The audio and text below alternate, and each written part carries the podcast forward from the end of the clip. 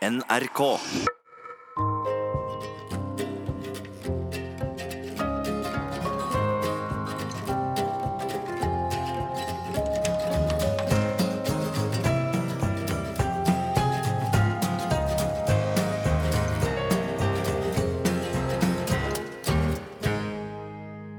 Mitt navn er Kristine Julstad. Jeg er 34 år og nyutdannet lege. I Namsos, der jeg jobber nå, kaller pasientene og kollegene meg for tryllelegen. Det er ikke fordi jeg er noen kvakksalver som tryller folk friske, men fordi jeg faktisk har trylletriks i frakkelommen. For da jeg var riktig liten, lærte jeg noen trylletriks. De ble fort flere, og jeg vant premier i tryllekonkurranser. Det som var en hobby i oppveksten, ble senere en lystbetont tilleggsjobb. Jeg reiser rundt med forestillingen min i inn- og utland. Et magisk lite teater der undring er hovedingrediensen. Min magi og medisin henger merkelig nok tett sammen. De er helt uatskillelige.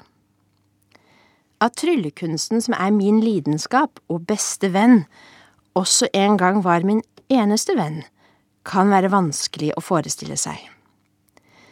Det får du snart høre mer om. Som lege brenner jeg for fortellingene til pasientene.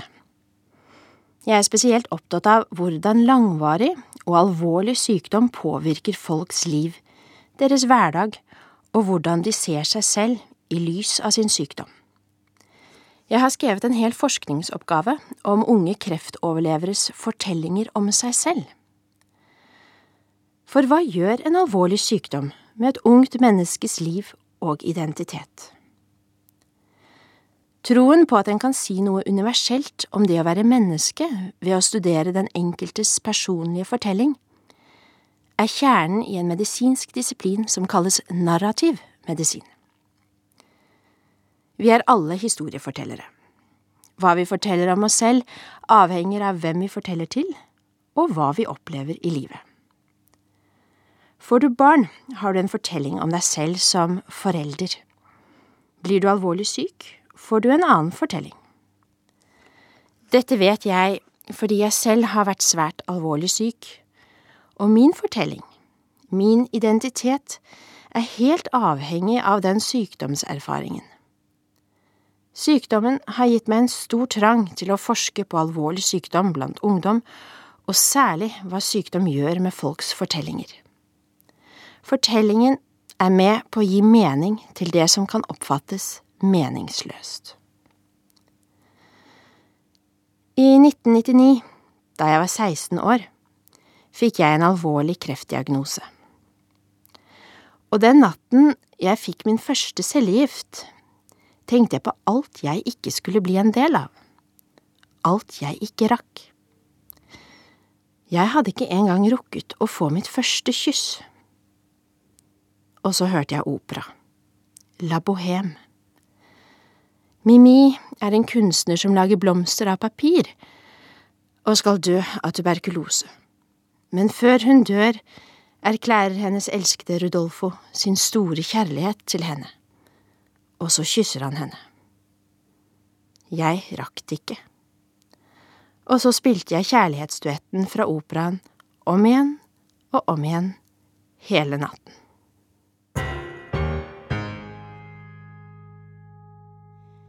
Frem til sommeren jeg fylte 16, hadde livet stort sett vært en slags paradistilstand.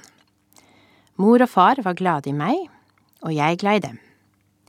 Jeg likte å gå på skolen hjemme i Kongsberg.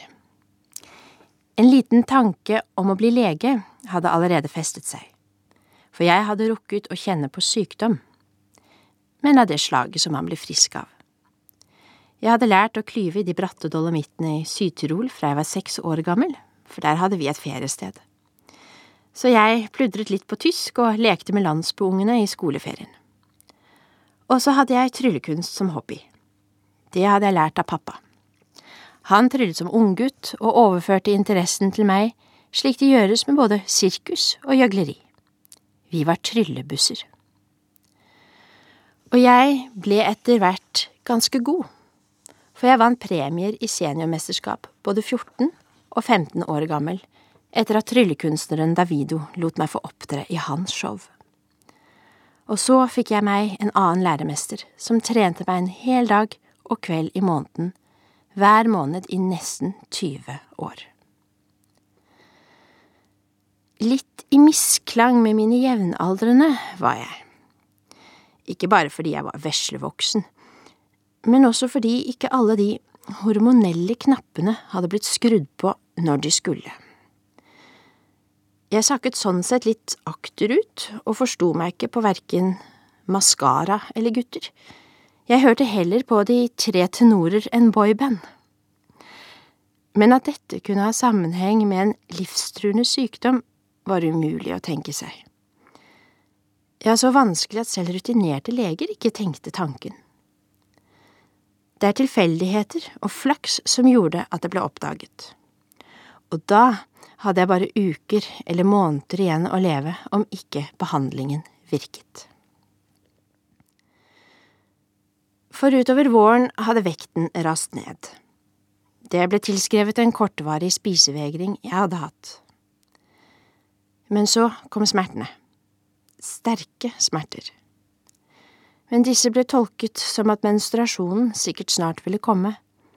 Jeg skulle fylle 16 år den sommeren, og ønsket meg aller mest å få mensen i bursdagsgave. Men få dager etter bursdagen oppdages det store svulster på eggstokkene. Svulster så store som barnehoder. De hadde spredd seg til de fleste av mine indre organer. Jeg var i ferd med å miste nyre og bukspyttkjertelen. Jeg ble sendt som øyeblikkelig hjelp til Radiumhospitalet. Der fikk jeg påvist en svært sjelden krefttype som verken stråleterapi eller kirurgi kunne redde meg fra. Men jeg ble operert likevel, for å fjerne noen kilo med kreftinfisert vev. Så gjensto kun ett håp om helbredelse. Det var cellegift. Jeg kjente på at jeg skulle dø, men også at mine foreldre kunne bli barnløse. Så tenkte jeg på at kroppen min liksom ikke lenger var min.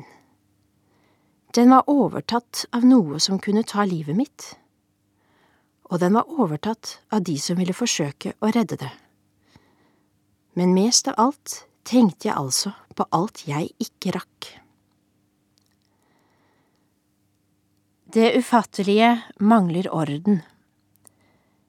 Der vi forsøker å forstå, vil vi prøve å organisere hendelsene i en begynnelse, midte og en slutt. Denne klassiske inndelingen som gjelder all teater og all fortellerkunst, gjelder også i våre egne fortellinger om oss selv. Men den første tiden jeg var på Radiumhospitalet, fremstår fortsatt uten orden. Det er bare fragmenter av inntrykk som vekker kroppslige ubehag i dag det var kaos. Først da legen min en morgen kom inn på rommet mitt, klemte meg hardt og sa med triumferende entusiasme at cellegiftene virket, kreften var i retur, var jeg gitt et reelt håp om overlevelse, et håp jeg kunne fortelle ut fra. Jeg lå på Radiumhospitalet, cellegiften hadde begynt å virke Kreften var på retur. På sykehuset kalte de meg Tryllejenta. Jeg gikk rundt med infusjonspumpen og tryllesaker for å trylle for legene eller pasientene. Målet var å klare å stå oppreist én gang om dagen og trylle et triks. Men min fortellings lykkelige slutt kom ikke nå. Helbredelse skulle vise seg å ikke bety at jeg var frisk. De fleste, også jeg, forventet at med endt behandling var alt som før igjen. Men behandlingen jeg hadde vært igjennom, etterlot meg en kropp som ikke lystret. Det var ingen krefter igjen. Det var smerter, hørselstap, hukommelsesproblemer, balansevansker og en skrekkelig skyldfølelse for at min takknemlighet over å være i live uteble. Å bære et stigma handler om å bære en uønsket annerledeshet. Denne annerledesheten bestod i å ikke kunne delta i samfunnet slik det var forventet. Da jeg ble syk, mistet jeg gradvis kontakten med de gamle vennene mine. Uten tilhørighet til noen ny klasse på videregående skole ble det heller ingen nye. Uten krefter og stadig syk av nye infeksjoner og senskader av behandlingen, var det ikke bare viktige milepæler i overgangen barn til voksen som forsvant, men det var også et sett av forventninger jeg ikke kunne innfri, verken overfor andre eller meg selv. Jeg ble erklært ufør 17 år gammel. Jeg leste Remark, Intet nytt på vestfronten. Han beskriver de unge soldatene som returnerer fra krigen som så unge at de ikke har noe gammelt liv å falle tilbake på. De hadde, i motsetning til sine mye eldre offiserer, blitt rammet av krigen på terskelen til livet uten å rekke å etablere et gammelt selv de kunne vende tilbake til. Nå var de avskåret fra alt strev, all aktivitet og all fremgang. Jeg kjente meg igjen. Mitt stigma var ikke knyttet til et synlig handikap. I et forsøk på å delta i gymtimen på videregående, vi skulle kaste ball to og to, da fikk jeg bare nei når jeg ba noen kaste ball med meg. Men min stahet gjorde at jeg ikke ga meg etter fire avslag. Først etter å ha spurt alle etter 29 avslag fikk jeg lov å sitte på innbytterbenken av gymlæreren, før han ba meg slutte i faget begrunnet med sykdommen. En slik erfaring gjorde vondt for meg. Det gjorde vondt for mine foreldre. Jeg ba til slutt om at alle forsøk på å integrere meg i klassen skulle avsluttes. Jeg møtte bare én og én lærer på tomannshånd for å unngå de andre elevenes blikk. Men det verste med min uønskede annerledeshet var at jeg ikke var en del av resten. Det var bare meg, til ingen nytte, til ingen glede. Jeg kunne ikke innfri forventningene om å fullføre skolen på normal tid, med normal innsats. Jeg orket ikke å henge med vennene, dessuten forsvant de jo. Ta jobb ved siden av skolen og dra på trening, ja, ganske enkelt ligne på de andre, ble umulig. Da kom skammen. Da kom selvforakten. Mitt stigma ble plutselig aller mest synlig i møte med mitt eget speilbilde. Og slik kunne jeg i mine mørkeste stunder stå foran speilet og slå meg selv. Først med flat hånd over ørene, så med knyttet hånd mot hake og kinn. Dermed ble jeg gjenstand for min egen mobbing av meg selv. Gjennom Kongsberg renner Lågen. I oppveksten har jeg gått turer langs den men nå virket den med et sterkt dragsug på meg. Tanken på at all smerten min kunne forsvinne hvis jeg hoppet uti, ga meg en skremmende smertelindring. Da ba jeg om hjelp. Jeg ringte Radiumhospitalet og ba om å få snakke med en av professorene som hadde satt i gang min behandling. Jeg sa jeg ikke lenger ønsket å leve. Dere har reddet meg til et liv jeg ikke vil ha. Nå må dere hjelpe meg videre, sa jeg. Dagen etter fikk jeg hastetime til psykiater. Det var ensomhet jeg led av. For jeg var helt alene. Det var bare mine foreldre og meg. Dagen hadde ikke noe innhold. Jeg gikk bare i nattøy til klokken fire på ettermiddagen. Hadde jeg noen timer undervisning på skolen, gikk jeg ensom rundt i gatene på Kongsberg etterpå og gjorde ingenting, bare fikk tiden til å gå. For meg var hverdagen gått i stykker. Alt jeg før hadde tatt for gitt, var nå tapt. Også tryllingen som hadde hjulpet meg før, hjalp ikke lenger. Jeg rørte ikke tryllesakene mine. Jeg hadde feilet på en opptreden og gikk hjem og skammet meg. Det sies at man leser for å føle at man ikke er alene, og nettopp det er riktig i mitt tilfelle.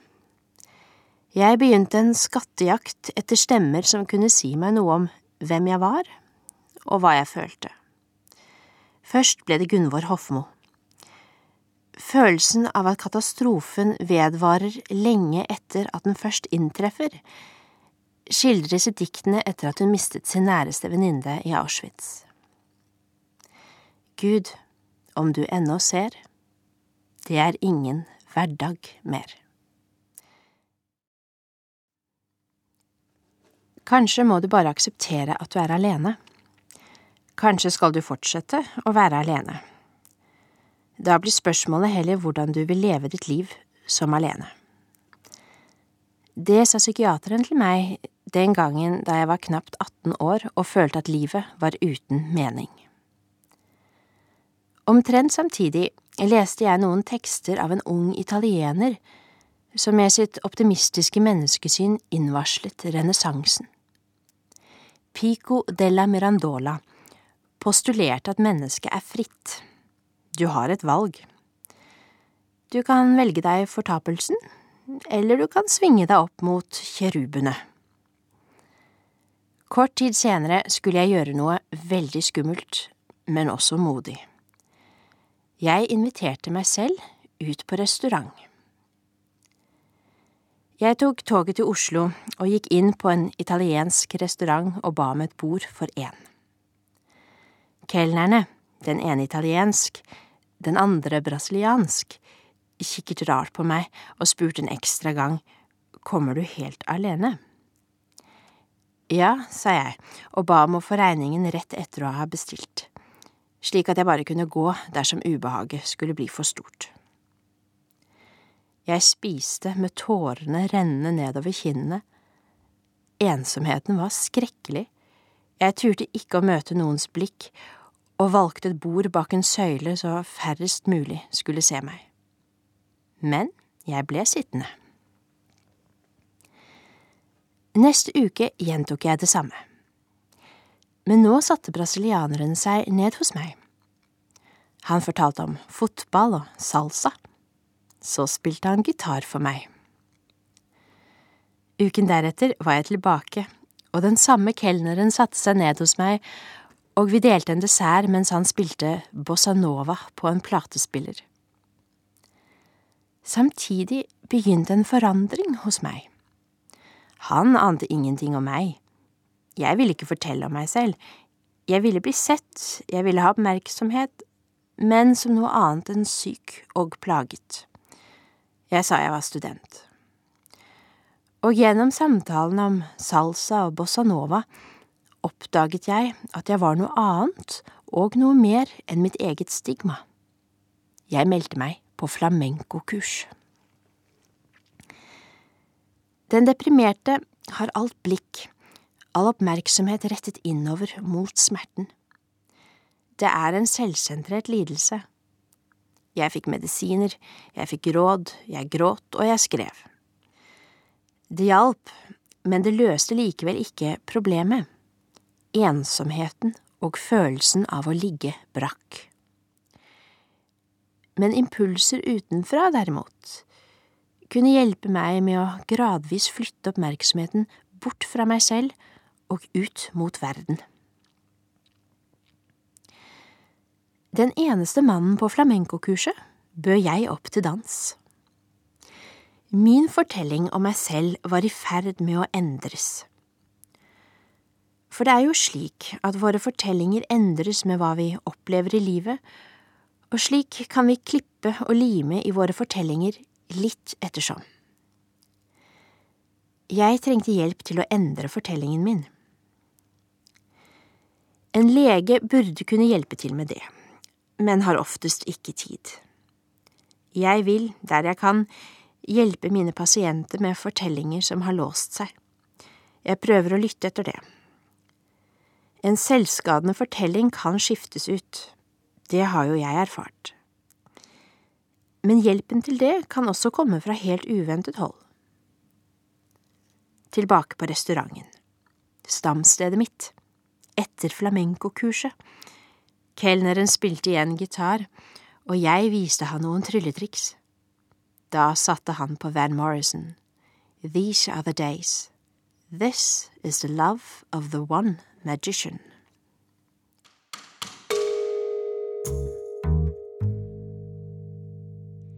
Tryllekunst overføres mellom generasjonene, fra far til datter, fra mester til elev. Kunsten er eldgammel. Tryllekunst handler om undring. En undring over det vi ikke kan forstå. Det heter seg jo at mennesket er det eneste vesen som kan skue opp på stjernehimmelen og undre seg. Barna er de egentlige tryllekunstnerne. De kan gå ut og inn av eventyrland de skaper gjennom leken, men så blir de voksne og alvorlige og glemmer denne ferdigheten. Ved mindre de er som meg, en som elsker tryllekunst og tryller hver dag i voksen alder. Vi har selvfølgelig våre hemmeligheter. De er godt bevart mellom oss i bøker utilgjengelige for lekfolk. Men uavhengig av disse handler tryllekunst like mye om å bedra sansene på samme måte som vi lar oss bevege til å tro at James Bond er i ekte fare når vi ser filmen, eller når operasangeren dør i siste akt, selv om vi vet at hun er godt betalt for å dø litt i morgen også. Å bedra sansene er å lure hjernen, som ellers er veldig smart. For meg er tryllekunst kjærlighet. Jeg opplever meg selv som frisk, full av håp og glede når jeg trer inn i kostymet mitt og musikken jeg opptrer til, skrus på. Jeg river et rødt papirhjerte i stykker. Ut fra restene tryller jeg frem hvite papirblomster. Disse setter jeg på en liten busk til den er full av blomster. Etterpå får jeg sommerfugler av papir til å fly omkring meg. Til sist river jeg et stykke papir slik at det former en måne og en stjerne. Jeg putter dem i vann. Og når jeg har klemt vannet ut av månen og stjernen, kan jeg med en rød vifte vifte papiret til tørre snøflak som fyller scenen det er tryllekunst. Det er teater. Men først og fremst er det en kjærlighetserklæring til magien og det livet jeg fortsatt får leve. Har du lagt merke til at hjertedamen i kortleken bare består av to overkropper? Underlivet mangler. Jeg følte meg lenge som en slik hjertedame. Nedenfor brystene var det ingenting. Kirurgiske inngrep, leger, røntgenapparater, slanger og dren, blodprøver og benmargsprøver ga meg et nesten distansert forhold til egen kropp, selv om den hvert minutt verket og gjorde krav på min oppmerksomhet. Jeg er lege. Jeg ser masse kropp i alle aldre og former. Noen lukter vondt, noen har store arr, eller mangler en kroppsdel. Men det faller meg aldri inn å vurdere en pasients kropp estetisk. Når jeg får se på dem og ta på dem, føler jeg meg så privilegert. De er mennesker preget av fødslene de har gjennomgått, sykdommen de bærer, livet de lever. Olav Duun sier det, mennesket er noe stort men likevel kan jeg vurdere min egen verdi i hvordan min kropp ser ut og ikke fungerer. Jeg kan ikke få barn.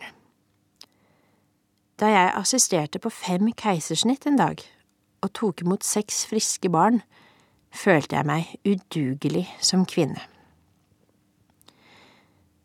Jeg hadde brukt åtte år på å fullføre videregående skole. Men da jeg gikk ut derfra, var det med et av landets beste vitnemål på 22 seksere. Da jeg var bare halvannet år unna drømmen om å bli lege, begynte jeg å føle meg så kraftløs, sliten. Tvilen dukket opp. Kunne jeg bli lege for eh, fødende kvinner og småbarn, jeg som verken lager eller oppdrar barn? Øyeblikk av tvil har de fleste legestudenter. Er vi trygge nok? Tenker vi fort nok? Ville vi egentlig dette? Tenk om jeg tar livet av noen? Min tvil var mer en følelse av avmakt. Da søkte jeg meg bort, til et sted jeg visste at noe av min identitet allerede lå gjemt. Det fantes minner om mitt gamle selv, slik jeg var før jeg ble syk og min fortelling skulle bli helt annerledes. Det lå i Tirol. Jeg fikk innvilget utvekslingsplass ved Det medisinske universitetet i Innsbruck. Der skulle jeg bo i et kloster ved foten av Karvendelfjellene som jeg hadde tegnet så mange ganger på barneskolen. I de områdene hadde jeg fått solbrente legger og vokst flere centimeter i løpet av barndomssomrene.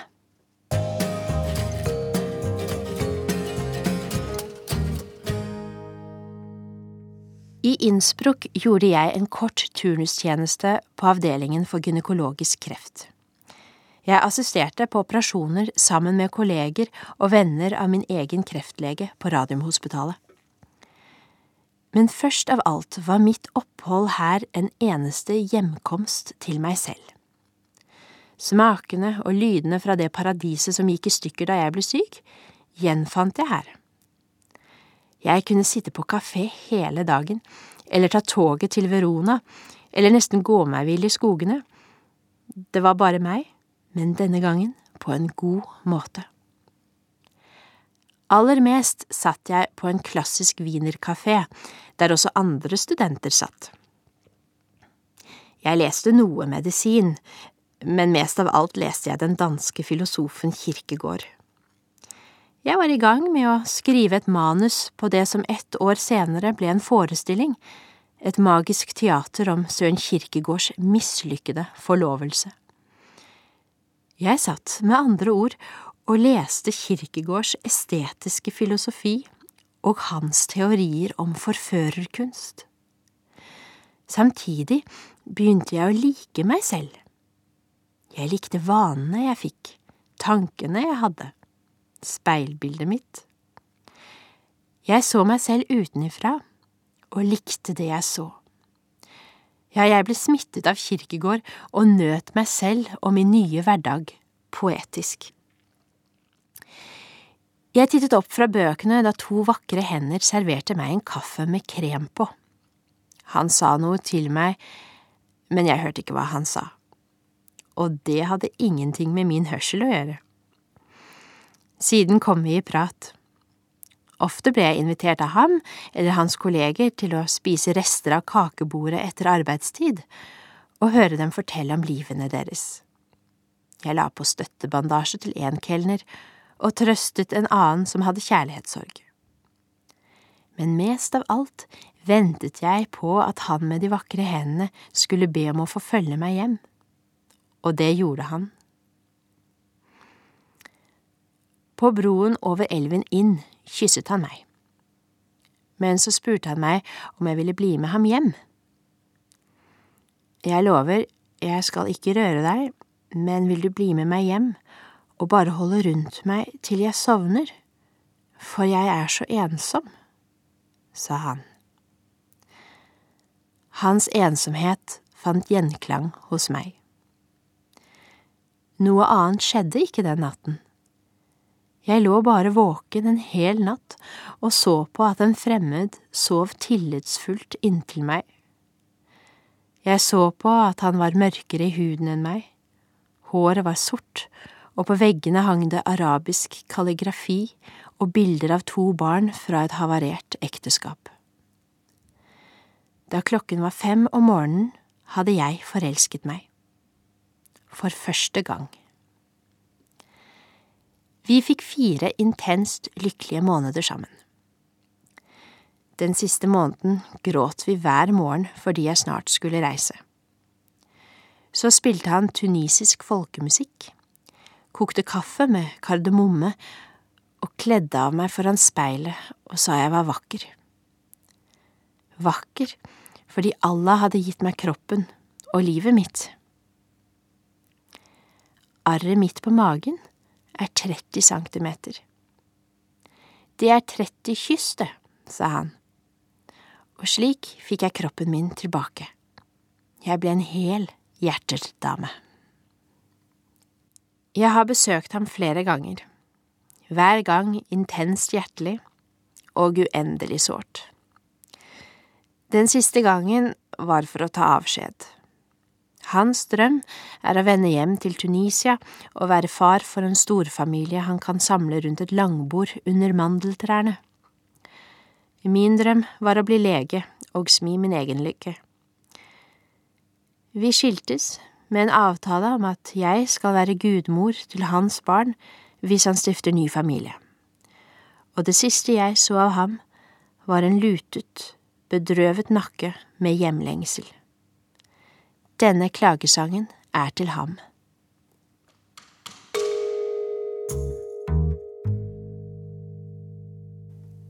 Det sies at kvinner som har vært nære ved å dø, får en annerledeshet de aldri kan kvitte seg med. Det skyldes trolig at døden har gått fra å være en generell sannhet til å bli en personlig sannhet for disse kvinnene. Det handler om å rekke det, rekke å leve skynde seg. At jeg fortsatt kjenner på en splittelse mellom en syk utgave og en frisk utgave av meg selv, er ikke bare et onde. Den personlige sannheten om sykdom og død gir meg en måte å oppleve verden på, en kreativitet og fleksibilitet jeg ikke ville være foruten. En venninne har malt et portrett av meg. Der står jeg på et endometrium, altså innsiden av en livmor. Jeg har på meg kjolen jeg bruker når jeg opptrer med magisk teater. Over meg er en himmel av snø, stjerner og symboler på hvem jeg er. En livmor ga meg liv, moren min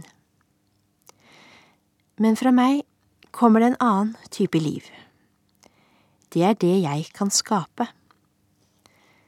Det er den medisinen jeg har studert, mitt arbeid som lege, det jeg har og fortsatt skal forske på, det er det magiske teatret jeg får reise rundt med.